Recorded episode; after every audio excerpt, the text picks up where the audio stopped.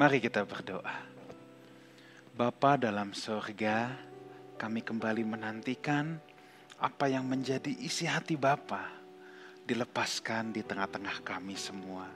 Kami berdoa supaya firman Tuhan yang lebih tajam daripada pedang yang bermata dua, yang memisahkan tulang dan sumsum kami, pada pagi hari ini akan membedah hati kami, akan mengoperasi hidup kami, supaya kami boleh terus dipulihkan, supaya kami boleh terus menjadi semakin serupa dengan gambaran Tuhan Yesus Kristus.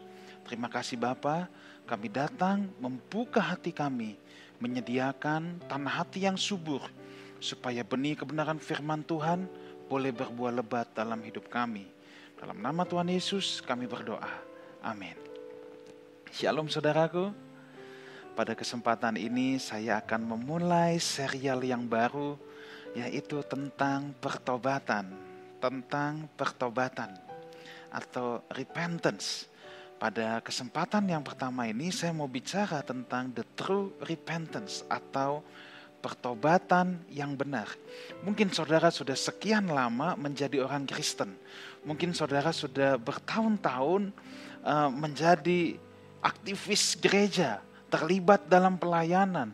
Tetapi mari pada kesempatan ini saya mau mengajak kita semua merefleksikan kepada diri kita, apakah kita sudah melakukan pertobatan yang benar. Ada orang yang berkata bahwa ia sudah bertobat dari dalam kandungan. Dari dalam kandungan ibunya katanya juga sudah bertobat. Statement ini jelas mengisyaratkan bahwa dia belum mengerti makna pertobatan. Kenapa? Pertobatan yang benar harus merupakan keputusan dengan kesadaran penuh dari pribadi yang bersangkutan. Pertobatan yang benar adalah uh, keputusan dengan sebuah kesadaran penuh dari pribadi yang bersangkutan. Makanya kalau orang masih baik belum bisa dikatakan sudah bertobat, saudara ya. Sebab kesadarannya juga belum lengkap. Dalam arti uh, akal budinya semua belum lengkap, saudara. Pengertian-pengertiannya belum lengkap.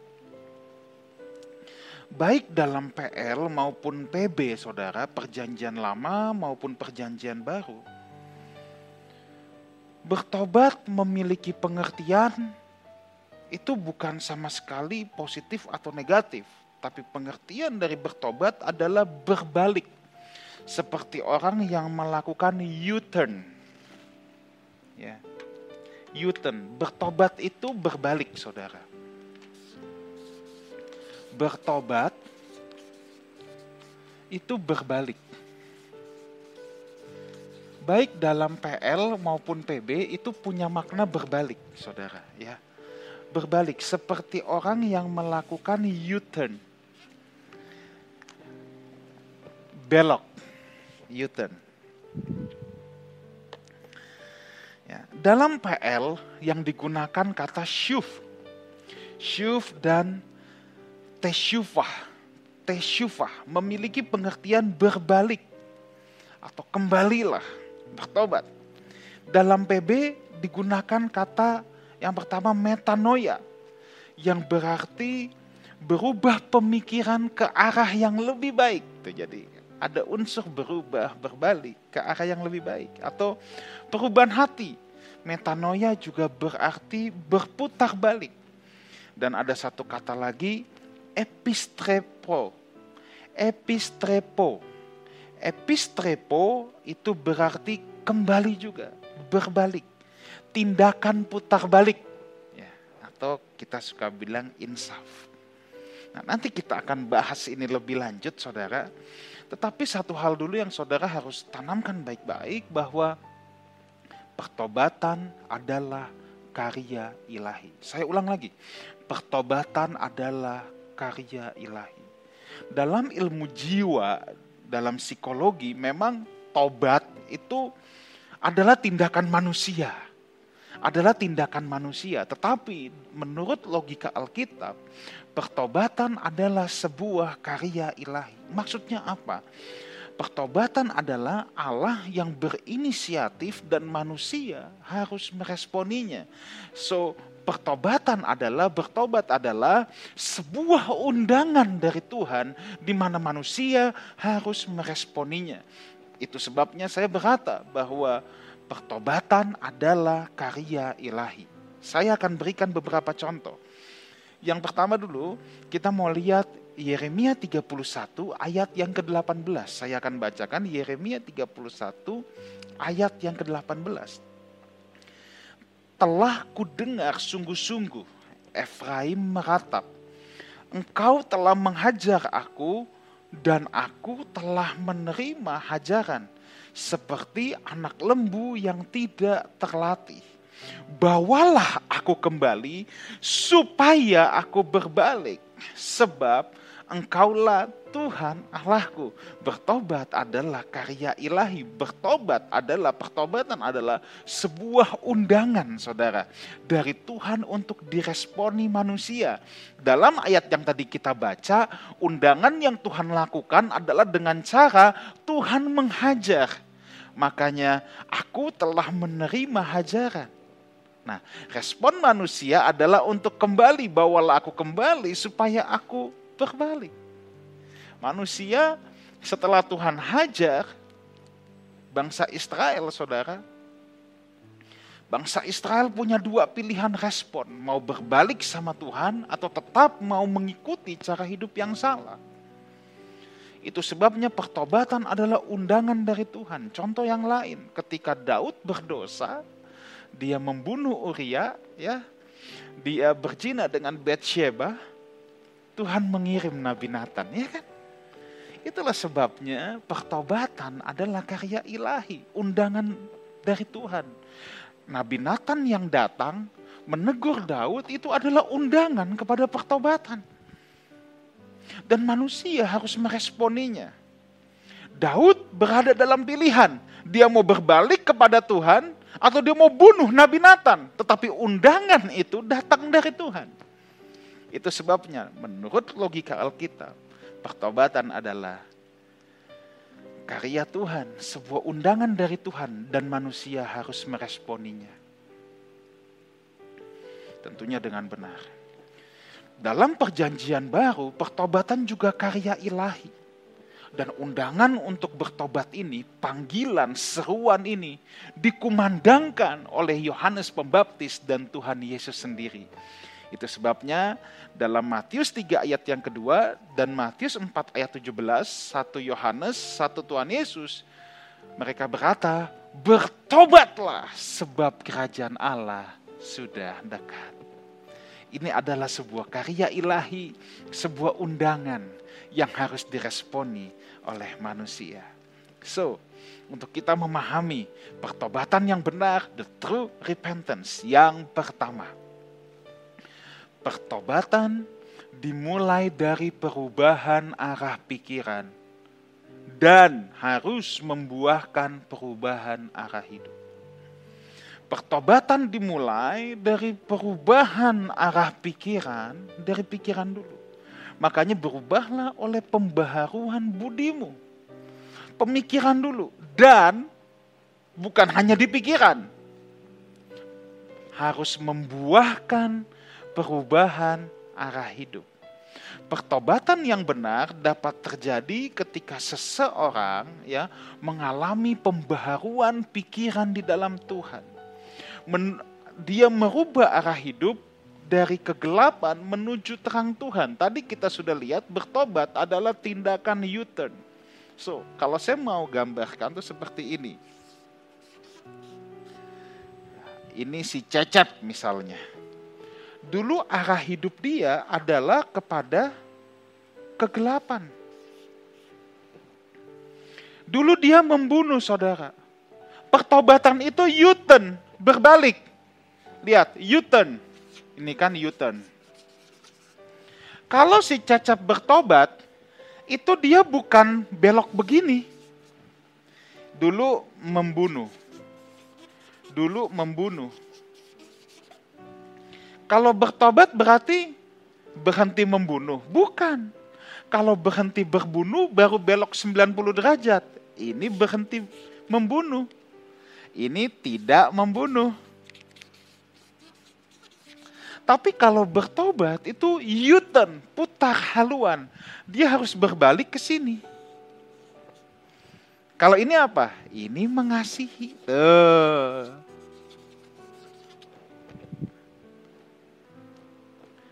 Dulu mencuri.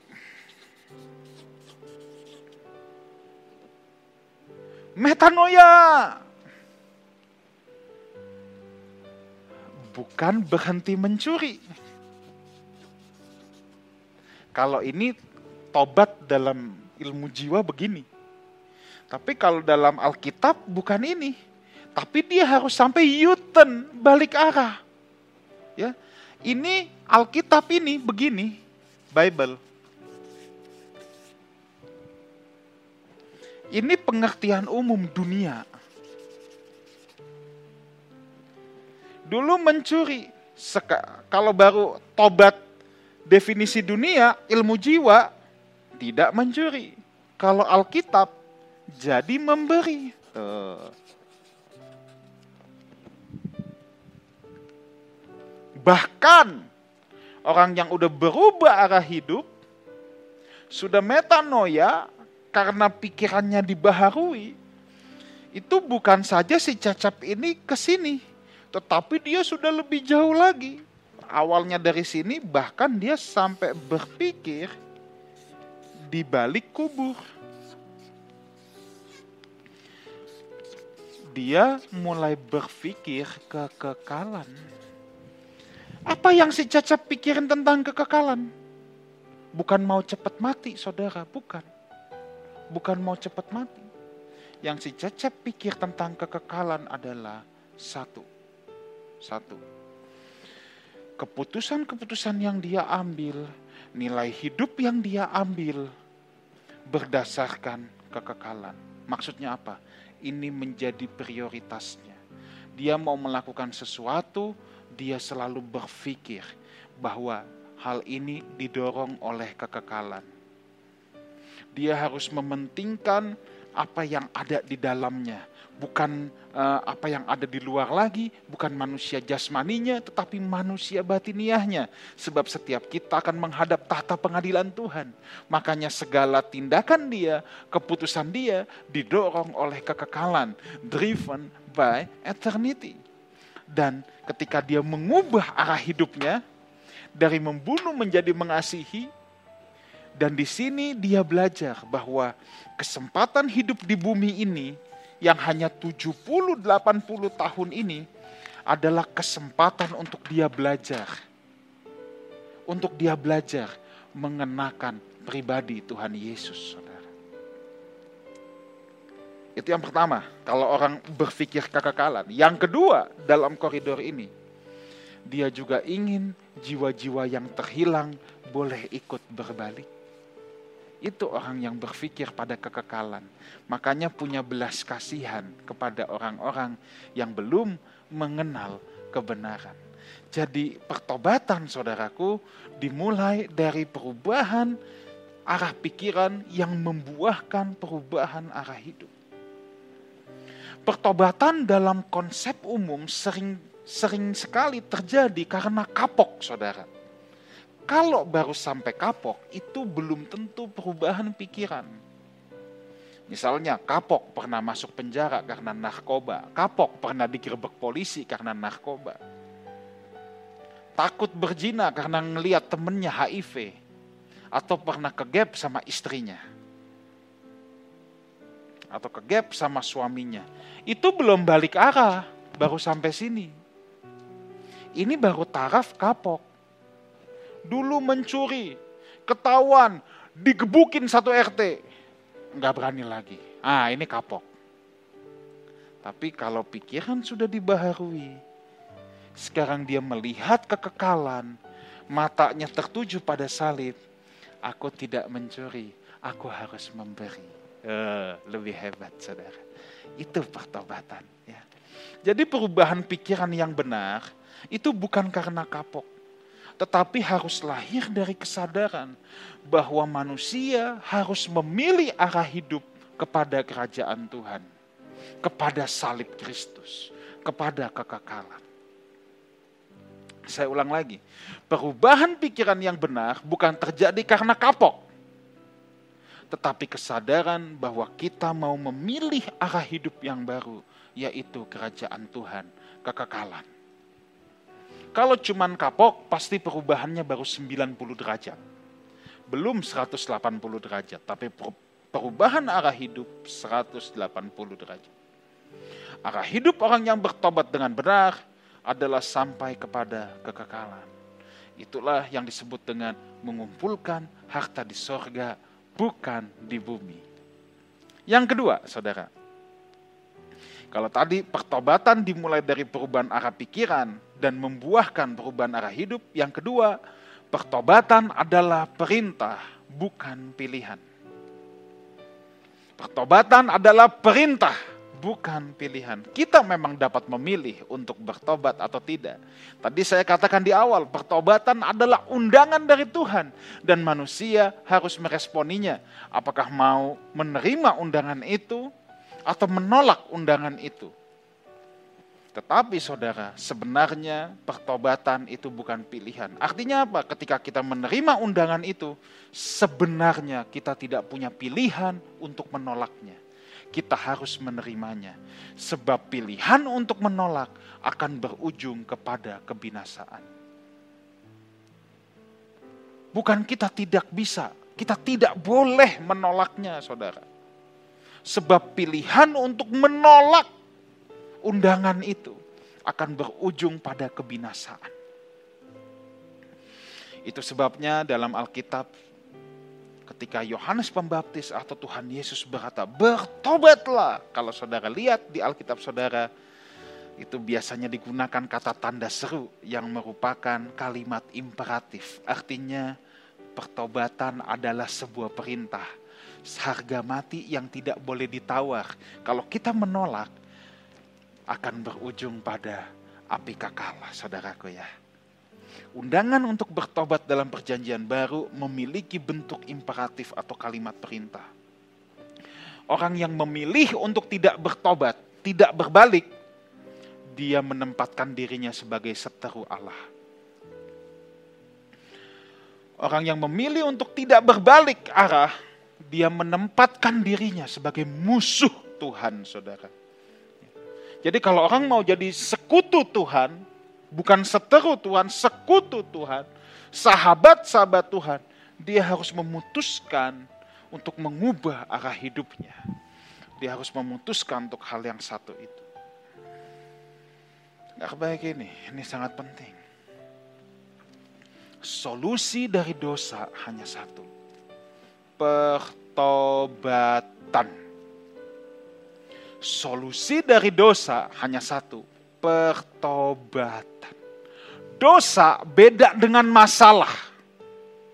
Kita harus ngerti ini. Dosa itu berbeda dengan masalah.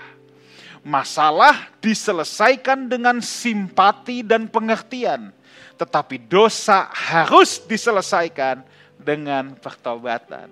Persoalannya, banyak orang menganggap dosa sebagai masalah dan dicoba diselesaikan dengan simpati dan pengertian atau minta dimengerti. Makanya masalahnya tidak selesai-selesai. Kenapa? Sebab sebenarnya yang dia hadapi bukan masalah, tapi dosa. Kalau seseorang jatuh ke dalam dosa atau terikat dengan dosa, yang harus ia lakukan adalah pertobatan, bukan mengasihani diri, bukan excuse. Kalau masalah, yang dicari simpati. Contoh, kalau orang jatuh kepada dosa perjinahan, yang harus dia lakukan adalah bertobat.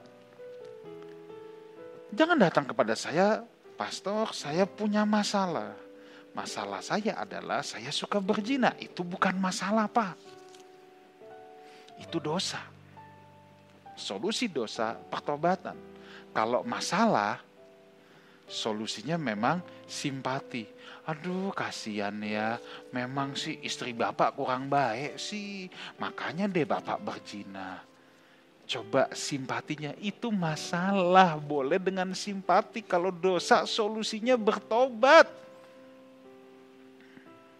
banyak orang rancu saudara. Banyak orang rancu.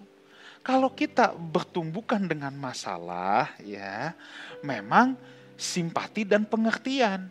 Tetapi kalau orang yang dihadapi dosa tetapi yang dianggap masalah, maka kecenderungan yang akan ia lakukan adalah mengasihani dirinya dan mencari excuse atau kambing hitam.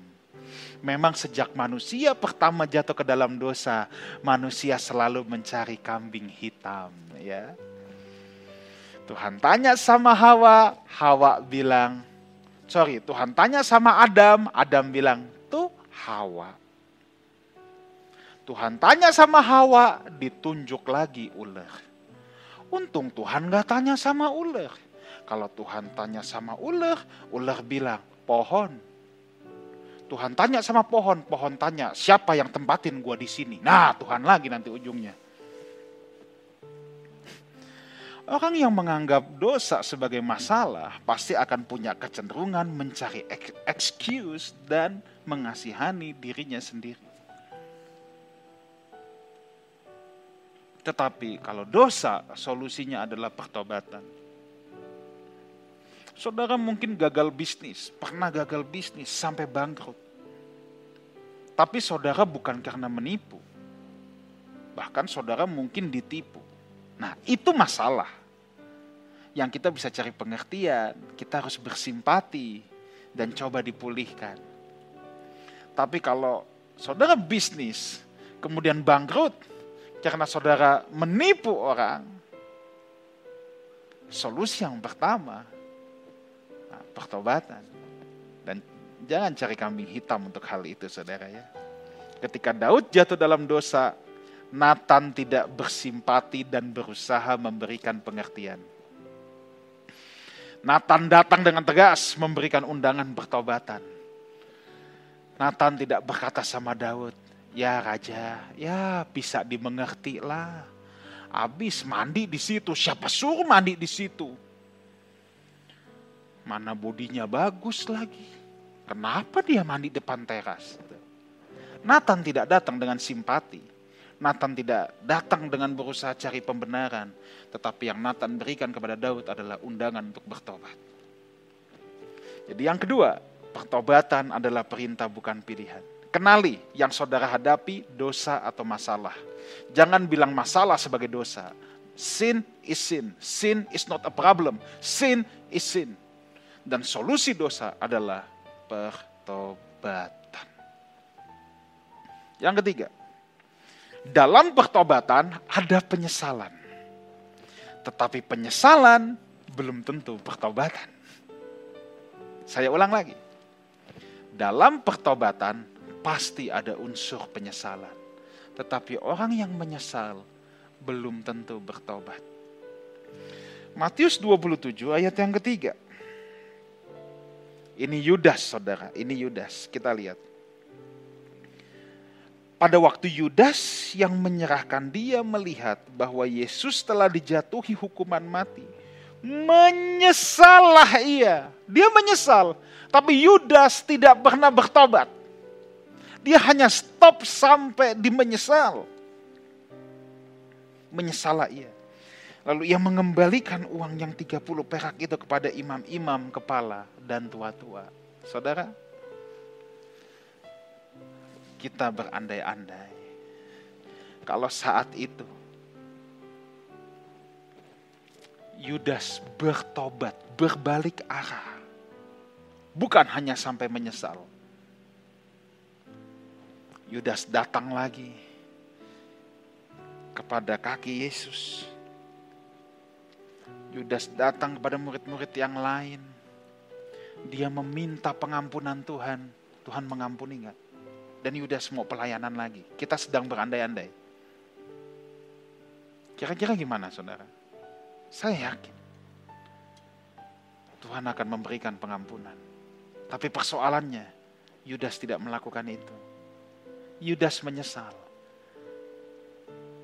Tapi dia tidak pernah mengubah arah hidupnya. Dia memutuskan bunuh diri. Kalau saudara lihat satu pasal sebelumnya, Matius 26 ayat yang ke-75. Maka teringatlah Petrus akan apa yang dikatakan Yesus kepadanya sebelum ayam berkokok. Engkau telah menyangkal aku tiga kali. Lalu ia pergi keluar dan menangis dengan sedihnya. Petrus melakukan kesalahan yang tidak lebih ringan daripada Yudas. Dia menyangkal, dia mengkhianati Yesus juga. Dan ketika Alkitab berkata ia pergi keluar dan menangis dengan sedihnya, jelas ini menggambarkan penyesalan. Tetapi Petrus bertobat, saudara. Petrus bertobat. Petrus tidak stop sampai di sini Petrus tidak mengambil jalan singkat bunuh diri. Yang Petrus lakukan berkumpul lagi dengan teman-temannya, punya komitmen yang baru. Dan akhir sejarah gereja mencatat, Petrus tetap melayani, bahkan dia matinya disalib, bukan bunuh diri. Kalau Yesus sang guru disalib dalam posisi pala di atas, maka Petrus disalib dalam keadaan kepala yang di bawah. Dalam pertobatan ada penyesalan. Yudas menyesal, Petrus juga menyesal. Tetapi dalam penyesalan belum tentu ada pertobatan. Orang yang bertobat pasti ada rasa sesal. Tapi orang baru menyesal belum tentu sampai bertobat. Banyak orang menyesal tetapi tidak mengubah arah hidup dan arah berpikirnya sehingga pertobatan yang benar tidak tidak pernah terjadi saudaraku dalam hidupnya. Buah dari orang yang hanya menyesal dan buah dari orang yang bertobat dengan benar itu pasti jauh berbeda. Jauh berbeda. Itulah sebabnya Alkitab tidak pernah atau tidak banyak, tidak banyak bercerita tentang proses pertobatan para tokoh Alkitab. Coba lihat Alkitab tidak banyak bercerita tentang proses pertobatannya. Tetapi Alkitab bercerita tentang hasil perubahan hidup mereka setelah mereka mengubah arah hidupnya. Seperti Musa mengubah arah hidup, Abraham mengubah arah hidup. Alkitab lebih banyak cerita tentang bagaimana hasil setelah mereka bertobat atau mengubah arah hidupnya. Itu yang lebih banyak diceritakan oleh Alkitab. Hasil perubahan hidup mereka terlihat konkret. So, hal terpenting di sini adalah kualitas pertobatan seseorang jauh lebih penting daripada seberapa spektakuler seseorang dalam pertobatannya. Saya ulang lagi. Kualitas pertobatan, hasil buah dari pertobatan itu jauh lebih penting daripada seberapa spektakuler caranya dia bertobat. Ada banyak orang yang dicari adalah spektakulernya. Lalu dengan bangga, aku bertobat malam-malam, dingimpiin, didatengin Tuhan Yesus.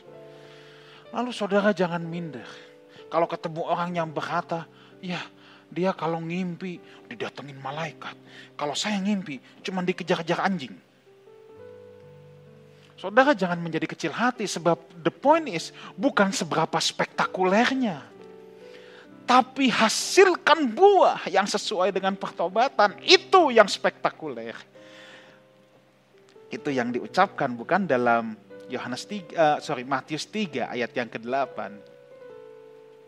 Yang Yohanes Pembaptis katakan, hasilkanlah buah yang sesuai dengan pertobatan.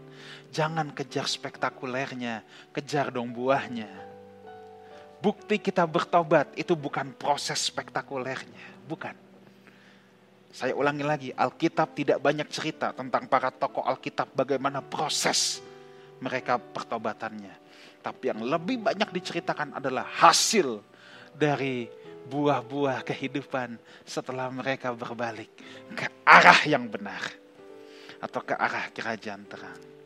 Saya mau uh, mau ajak saudara sekalian buka satu ayat terakhir dari Yohanes pasal yang kedua ayat 23 sampai 25. Beberapa minggu yang lalu ketika saya menyampaikan tentang dipercaya Tuhan, saya membuka ayat ini, tapi izinkan saya mengambil dari angle yang lain. Yohanes 2 ayat 23 sampai 25. Saya akan bacakan.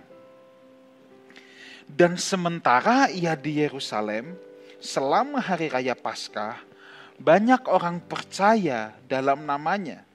Karena Yesus sendiri tidak mempercayakan dirinya kepada mereka. Karena ia mengenal mereka semua. Dan karena tidak perlu seorang pun memberikan kepadanya eh, dan karena tidak perlu seorang pun memberi kesaksian kepadanya tentang manusia sebab ia tahu apa yang ada di dalam hati manusia. Ayat 24 tetapi Yesus sendiri tidak mempercayakan dirinya. Waktu itu saya menyorot pada hal ini bahwa orang bisa percaya sama Tuhan, mengaku percaya tetapi Tuhan belum tentu percaya sama orang tersebut. Sekarang saya mau ambil angle yang lain bahwa memperlihatkan ayat-ayat ini bahwa bisa saja banyak orang mengalami pengalaman spektakuler. Ayat ke-23 mereka melihat tanda-tanda yang diadakannya. Wah, ini pengalaman yang spektakuler saudara ya. Bisa saja orang melihat mengalami itu, tetapi itu tidak bisa menjadi tanda bahwa perubahan nyata, pertobatan nyata yang berkualitas telah terjadi. Buktinya tidak. So, jangan kejar pengalaman spektakulernya. Jangan kejar proses-proses yang spektakulernya. Kejar buah-buah pertobatan itu sendiri. Pertobatan yang benar selalu memberikan buah yang nyata.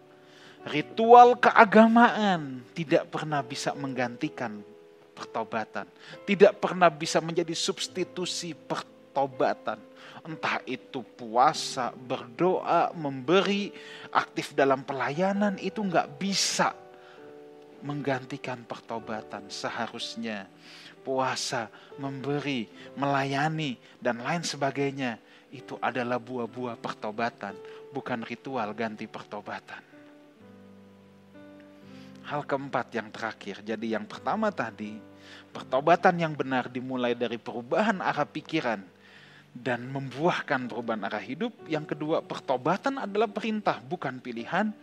Yang ketiga, dalam pertobatan ada penyesalan, tapi dalam penyesalan belum tentu ada pertobatan. Yang keempat, pertobatan yang benar dilakukan setiap hari, bahkan setiap saat. Pertobatan yang benar tidak hanya dilakukan sekali seumur hidup, tetapi setiap saat sepanjang hidupnya, saudara. Dosa hakikatnya adalah kemelesetan dari Allah. Pertobatan adalah suatu tindakan alignment, penyesuaian dengan target Allah dalam hidup kita. Saya pernah menggambarkan seperti orang main panahan. Ada angka 1, 2, 3 sampai 10 dosa itu meleset, hamartia, luncas. Pertobatan adalah alignment. Ketika kita meleset, kita geser lagi, geser lagi, geser lagi, supaya lebih persisi, supaya lebih tepat. Atau kalau saudara punya mobil, saudara ya, kalau saudara punya mobil, mobil saudara kalau udah jalan di jalanan yang rusak, gujlak gajluk, setirannya bisa miring-miring. Ketika masuk bengkel, dispuring lagi. Dilakukan wheel alignment supaya bannya lurus lagi jalannya. Makanya harus rutin saudara. Ya kalau mobil setiap 5000 kilo sekali, setiap 10.000 kilo sekali. Kalau pertobatan harus setiap saat. Saudara bertobat tidak tunggu nanti aja Tuhan. Tunggu hari Minggu aku datang ke gereja lagi baru aku bertobat. Tunggu hari Minggu aku ikut online service lagi, aku baru bertobat. No, pertobatan setiap saat. Bahkan setiap saat ketika kita sadar kita melakukan kesalahan. Sebaiknya kita langsung Tuhan ampuni aku. Jangan tunggu hari ini kita bikin kesalahan. Tanggung Tuhan. Ini baru Selasa. Besok aku bikin lagi dulu. Nanti minta ampunnya sekalian hari Minggu. Loh, itu namanya nggak ada niat saudara ya. Tapi harus will alignment terus setiap saat saudara ya. Itu sebabnya kita harus berbenah diri, mengoreksi diri kita setiap hari. Kita juga perlu komunitas dalam hal ini untuk melakukan check and balance. Kalau seseorang hanya merasa Tuhan saja yang bisa menasehati dia, sampai dia sudah nggak mau punya komunitas, dia tidak mau dengar lagi kata-kata orang lain, hati-hati. Dia lebih sulit untuk bertobat, saudara. Ya, sebab nggak ada fungsi check and balance lagi. Kalau saudara lihat Alkitab, bahkan dalam seluruh perjanjian baru pun, para rasul pun berkomunitas, para rasul pun saling menasehati dalam tanda petik. Orang sesakti dalam tanda petik loh. Petrus pun pernah dinasehati oleh Paulus. Untungnya Petrus mau bertobat. Untungnya Petrus punya kerendahan hati. Coba kalau Petrus bilang sama Paulus, Paulus diem deh lu banyak bacot lu. Cuman Tuhan sendiri yang bisa ngomong sama gua tahu. Lagian dari you belum kenal Tuhan Yesus, saya sudah iring dia dari dulu. Petrus nggak begitu saudara. Pertobatan dilakukan setiap saat. Orang yang mau terus berbenah diri, orang yang terus mau memperbaiki dirinya, sebenarnya dia juga sedang melatih kerendahan hatinya. Hanya orang yang rendah hati yang merasa dirinya membutuhkan pertobatan setiap saat. Tuhan menyertai kita semua. Kita siapkan hati kita saudaraku, kita masuk ke dalam perjamuan Tuhan. Mari kita ambil roti dan anggur. Atau saudara yang di rumah yang sudah mempersiapkan mungkin biskuit, mungkin crackers, that's okay. Dan juga telah mempersiapkan anggur atau Fanta atau teh bahkan mungkin it's okay.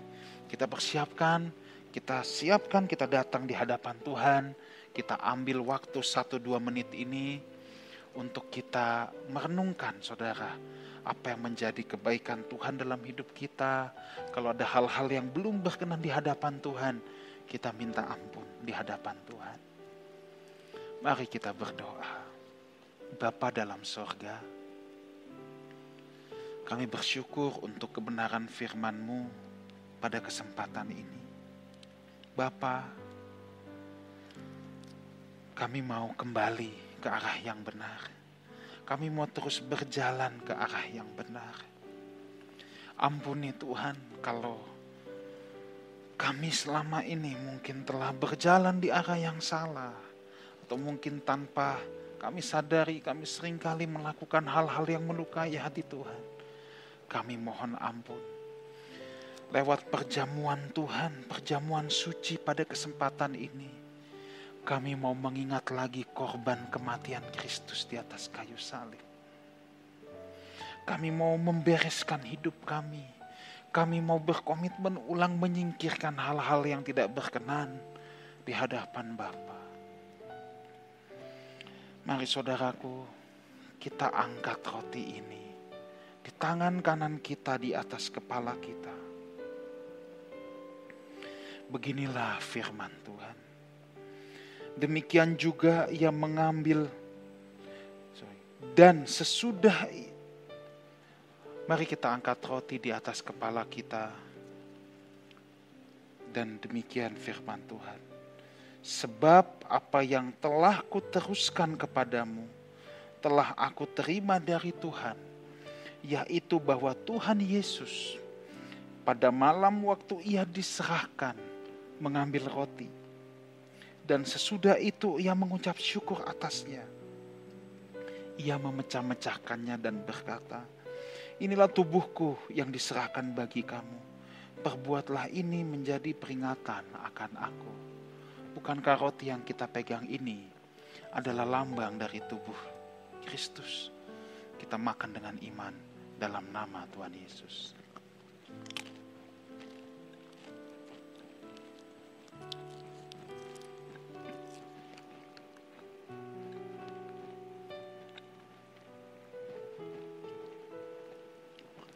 Mari kita angkat anggur dengan tangan kanan kita di atas kepala kita. Demikian firman Tuhan. Demikian juga ia mengambil cawan sesudah makan. Lalu berkata, cawan ini adalah perjanjian baru yang dimeteraikan oleh darahku. Perbuatlah ini setiap kali kamu meminumnya menjadi peringatan akan aku. Bukankah anggur yang kita pegang ini adalah lambang dari darah Tuhan Yesus Kristus? Mari kita minum dalam nama Tuhan Yesus. Saudaraku, mari kita bangkit berdiri. Kita angkat kedua belah tangan kita. Kita mengucap syukur untuk tubuh dan darah Tuhan yang telah tercurah. Terima kasih Tuhan untuk pengorbananmu 2000 tahun yang lalu. Yang mengubah arah hidup kami. Sebuah undangan untuk datang kepada salib. Sebuah undangan untuk menjadi sekutu Tuhan. Ampuni kami kalau selama ini kami hidup sebagai seteru Tuhan. Tetapi salib mengingatkan kami bahwa kami harus memandang salib. Arah hidup kami adalah salib Kristus Sebab saliblah yang memperdamaikan kami dengan Tuhan. Bapa, engkau lihat anak-anakmu yang pada kesempatan ini telah melakukan rekomitmen ulang dengan persekutuan dengan tubuh dan darah Tuhan Yesus Kristus. Mereka yang berkata, ampuni aku Tuhan. Aku tidak akan mau lagi menyia-nyiakan korban Tuhan Yesus. Aku tidak mau membuat korban Tuhan Yesus menjadi sia-sia Bapa, Engkau lihat setiap kami. Setiap kami yang mengangkat tangan kami di hadapan Tuhan. Engkau melihat setiap anak-anakmu yang dalam pergumulan, dalam beban berat, dalam persoalan. Tuhan ajar kami untuk membedakan mana dosa, mana masalah. Dosa solusinya adalah pertobatan. Dan sekalipun kami dalam masalah, kami tahu Tuhan Yesus yang akan menuntun kami memberikan kami jalan keluar, serta memberikan kami semua kekuatan. Kau lihat mereka yang sedang bergulat dengan sakit penyakit. Bapa, kalau boleh kami meminta kasih karunia Tuhan untuk kesembuhan, kesehatan kami semua.